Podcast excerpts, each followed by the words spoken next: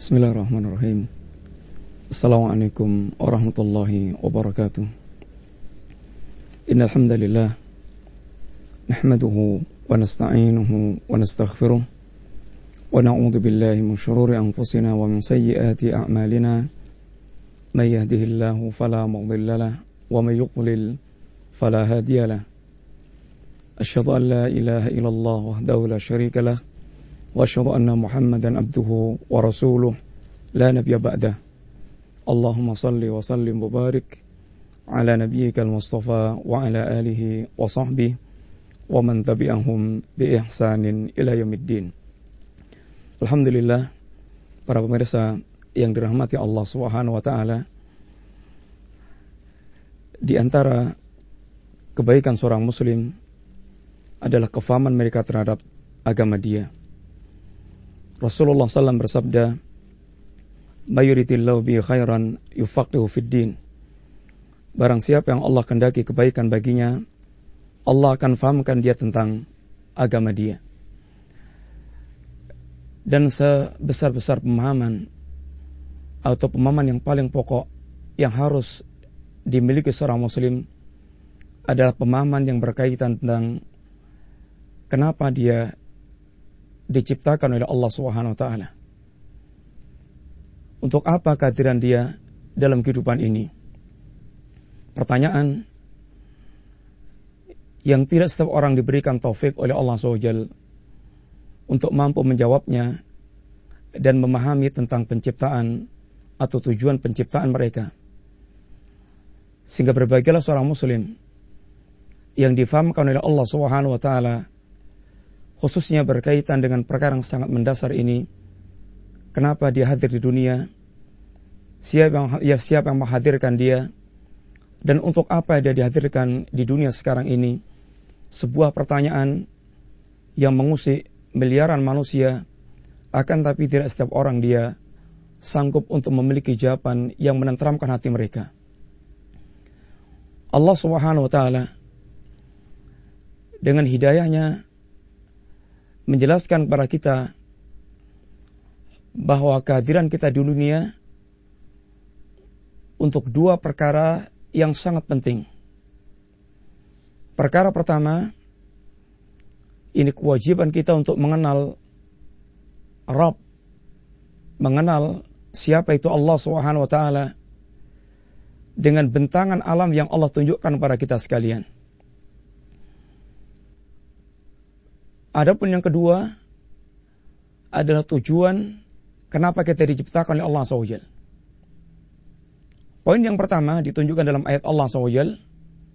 Allahul ladzi khalaqa sab'a samawat wa minal ardi mithlahunna yatanazzalu al-amru bainahunna lita'lamu anna Allah ala kulli syai'in qadir wa anna Allah qad ahata bi kulli syai'in ilma.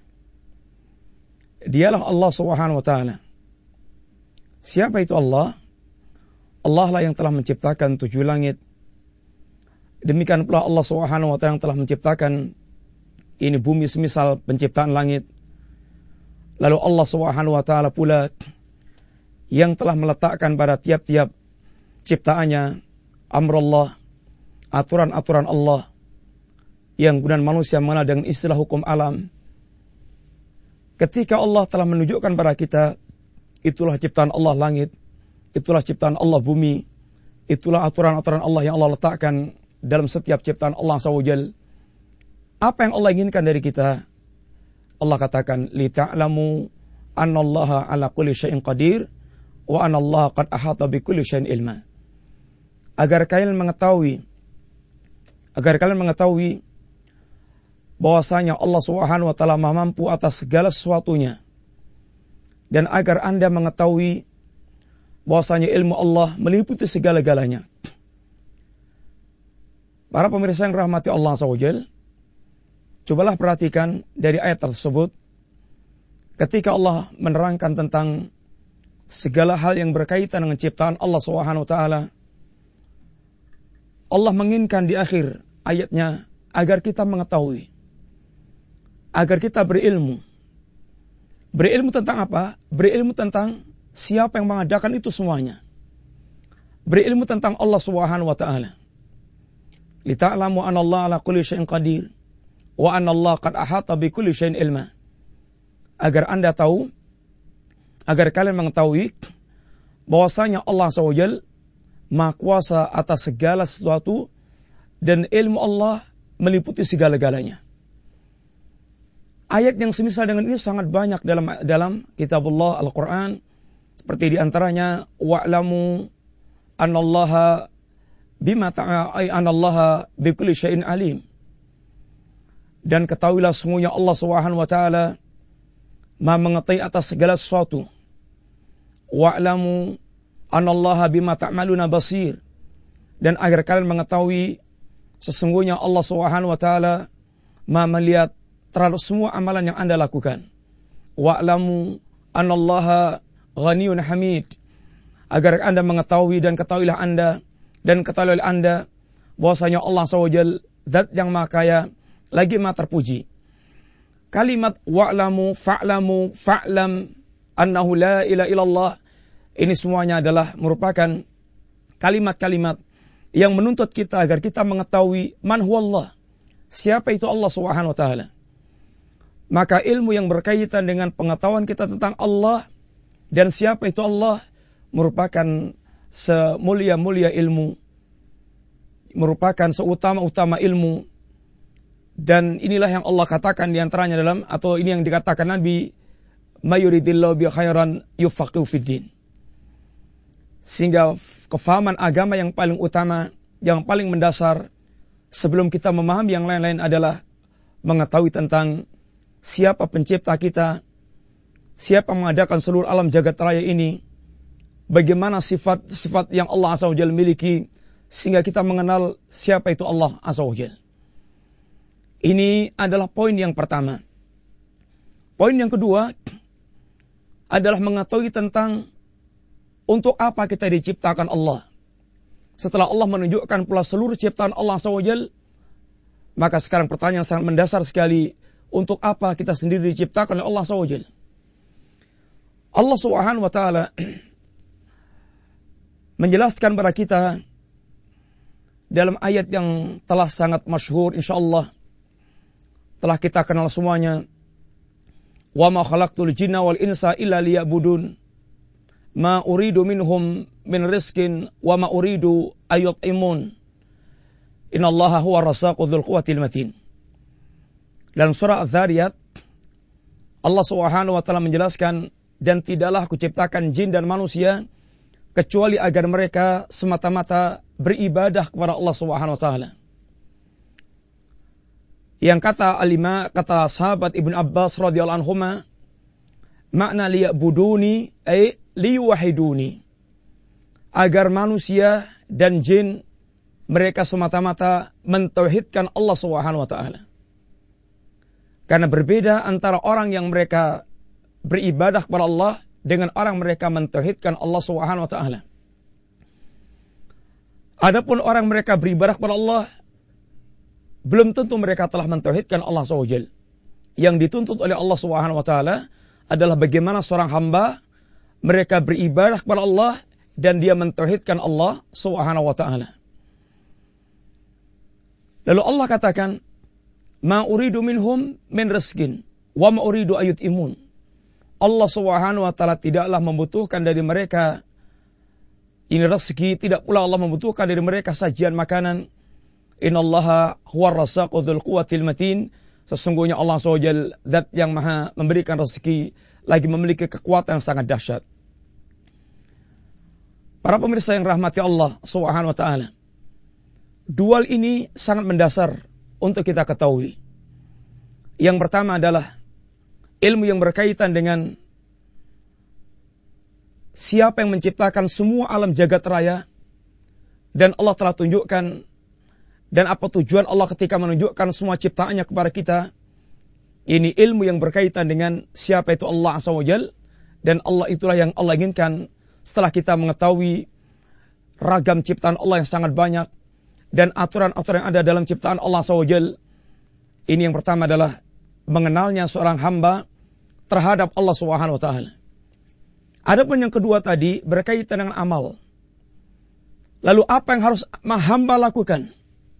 Setelah dia mengenal di balik semua ciptaan yang ada adalah Allah Subhanahu wa taala. Sebagaimana telah kita sampaikan bahwasanya yang, yang dituntut dari hamba adalah dia mentauhidkan Allah dalam ibadah mereka. Atau hamba dia beribadah kepada Allah Subhanahu wa taala dalam tu ibadah yang dia hanya tujukan kepada Allah dan dia dan tidak dia tujukan kepada selain Allah Subhanahu wa taala. Ada pertanyaan penting setelah kita mengerti yang demikian para pemirsa yang dirahmati Allah Subhanahu wa taala yaitu boleh jadi akan terbersit dalam diri seorang atau dalam diri kita. Kenapa Allah menginginkan kita beribadah kepada Allah SWT? Apakah Allah Subhanahu wa taala membutuhkan kita semuanya? Maka pertanyaan-pertanyaan ini sering mengusik dalam diri seseorang. Karena syaitan akan sering memberikan bisikan-bisikan yang akan mengantarkan manusia berpikir buruk maka sungguhnya apabila kita mau sedikit memperhatikan apa yang dijelaskan Allah Subhanahu wa taala, sesungguhnya insya Allah kita akan mendapatkan jawaban yang memuaskan tentang pertanyaan kenapa Allah Subhanahu wa taala menciptakan kita dan menginginkan kita beribadah kepada Allah Azza wa Jawabannya apakah Allah membutuhkan kita? Jawabannya adalah sama sekali Allah tidak membutuhkan para hambanya. Sama sekali Allah SWT tidak membutuhkan para hambanya. Di antara yang telah kita kenal, yang Allah kenalkan pada kita ketika kita tadi tertuntut mengenal Allah SWT, wa'lamu anallaha ghaniyun hamid. Ketahuilah sungguhnya Allah Subhanahu wa zat yang maha kaya lagi maha terpuji. Allah dengan kekayaannya Allah bukanlah zat yang fakir. Allah zat yang maha kaya. Sehingga Allah tidak membutuhkan kita semuanya. Apa pun dari kita, tidak ada yang dibutuhkan oleh Allah SWT. Sama sekali Allah tidak membutuhkan para makhluknya. Sehingga di ayat yang lainnya Allah katakan, Innallaha la ghaniyun anil alamin. Sesungguhnya Allah Subhanahu wa taala benar-benar tidak membutuhkan kepada para hambanya, kepada para makhluknya. Karena Allah telah mencukupi dirinya sendiri. Dan bahkan para makhluk yang mereka fuqara ilallah. Bahkan semua para makhluk yang mereka membutuhkan Allah Subhanahu wa taala. Sebagaimana yang Allah Subhanahu wa taala katakan dalam ayat yang lainnya, "Ya ayuhan nas, antumul fuqara'u ilallah." Wahai manusia, Anda semua yang fakir, ada semua yang sangat membutuhkan mutlak membutuhkan Allah Subhanahu wa taala. Sehingga Rasul kita yang mulia sallallahu alaihi wasallam beliau memberikan bimbingan para kita dalam doa di antara doa yang dipanjatkan kepada Allah SWT. Ya Hayyu ya Qayyum birahmatika astaghith aslih li sya'ni kulli wala taqilni ila nafsi tarfata ain. Ya hayu ya qayyum. Waidat yang menegakkan segala urusan. Waidat yang hidup. Yang menegakkan segala urusan. Birahmatika astaghith. Dengan rahmatmu ya Allah kami beristighasah. Kami meminta agar di uh, diudari segala kesulitan yang menimpa kami. Wala takilni ila nafsi tarfata'in kata Nabi. Aslih li sya'ni kulli wala ta, wala uh, takilni ila nafsi tarfata'in. Ya Allah, perbaikilah semua urusanku. Kita punya banyak urusan. Kita punya punya urusan dengan diri kita. Kita punya urusan dengan keluarga kita. Kita punya urusan dengan masyarakat kita. Kita punya urusan dengan penguasa kita. Urusan kita sangat banyak asli li sya'ni kulli. Ya Rab, perbaikilah segala urusanku. Lalu perhatikan bagaimana Rasulullah SAW mengajarkan pada kita pada kalimat berikutnya, wala takilni ila nafsi tarfatain. Ya Rab, janganlah engkau serahkan dalam memperbaiki semua keadaanku kepada diriku sendiri tarfata'in. Walaupun sekejap mata. Walaupun sekejap mata. Alangkah dalam doa Rasulullah SAW yang sangat mulia ini. Beliau bagaimana mengajarkan kepada kita agar kita selalu merasa bergantung kepada Allah SWT. Karena kita adalah hakikatnya para fuqara ilallah. Orang-orang yang sangat membutuhkan Allah Subhanahu wa taala. Oleh karena itulah orang-orang yang mereka nampak menyombongkan diri, tidak mau tunduk kepada Allah dan tidak mau beribadah kepada Allah Subhanahu wa taala karena di antaranya mereka sedang terhinggapi perasaan merasa cukup dan merasa tidak membutuhkan Allah Subhanahu wa taala. Innal insana layatgha. Sesungguhnya manusia benar-benar mereka sangat durhaka, melampaui batas. Kenapa mereka melampaui batas? Kenapa mereka tidak beribadah kepada Allah? Kenapa mereka durhaka kepada Allah? Mereka kenapa mereka tidak merasa mau membutuhkan Allah sehingga dia tunduk patuh bersimpuh di hadapan Allah Subhanahu wa taala? Apa kata Allah? Ar-ra'ahu Karena dia melihat dirinya serba cukup. Dia kaya, dia telah dia mencukupi dirinya, tidak membutuhkan yang lainnya sampai dia merasa tidak membutuhkan Allah Subhanahu wa taala. Ini tipuan syaitan kepada manusia. Maka Allah ingatkan bahwasanya Allah Subhanahu wa taala ghaniyun dan kita semua adalah fuqara ilallah. Para pemirsa yang dirahmati Allah Subhanahu wa taala. Oleh karena itulah Nabiullah Musa mengatakan pada kaumnya Bani Israel, apa kata Nabiullah Musa pada Bani Israel? In takfuru antum waman fil ardi jami'an seandainya kalian semuanya kafir bahkan apabila semua manusia yang ada di muka bumi mereka kafir fa innallaha ghaniyun hamid. Allah Subhanahu wa taala tetap dalam keadaan zat yang makaya Allah tidak jadi bangkrut tidak jadi miskin tidak jadi ter, uh, sengsara jatuh. Karena manusia kafir kepada Allah SWT, Allah lagi tetap dalam keadaan terpuji. Walaupun di antara manusia tidak ada menyembah Allah Subhanahu wa taala karena Allah tidak membutuhkan hambanya. Allah tidak membutuhkan para makhluknya. Demikian pula ketika Allah Subhanahu wa taala menjelaskan dalam diskusinya yang menunjukkan betapa Allah tidak membutuhkan para hambanya. Allah adalah zat yang makaya dan bahkan hamba yang membutuhkan Allah Subhanahu wa taala. Allah katakan, "Ya ibadi, Lau anna awalakum wa akhirakum wa insakum wa jinnakum ala atqa qalbi rajulin wahidin minkum ma zada bidzalika mulki syai'an. Ya ibadi, lau anna awalakum wa akhirakum wa insakum wa jinnakum ala afjari qalbi rajulin wahidin minkum ma naqasa bidzalika mulki syai'an. Wahai hambaku, seandainya kalian manusia dan jin dari yang paling awal sampai yang paling akhir dan kita tidak mengerti berapa triliun, berapa jumlah manusia dan jin dari, dari semenjak awal diciptakan sampai akhir terjadinya kiamat. Seandainya mereka berdiri di satu hati manusia atau hati mereka seakan-akan di puncak ketakwaan kepada Allah SWT sehingga manusia dan jin sejagat dari awal sampai akhir mereka di puncak ketakwaan kepada Allah SWT mazada bidzalika mulku syai'an.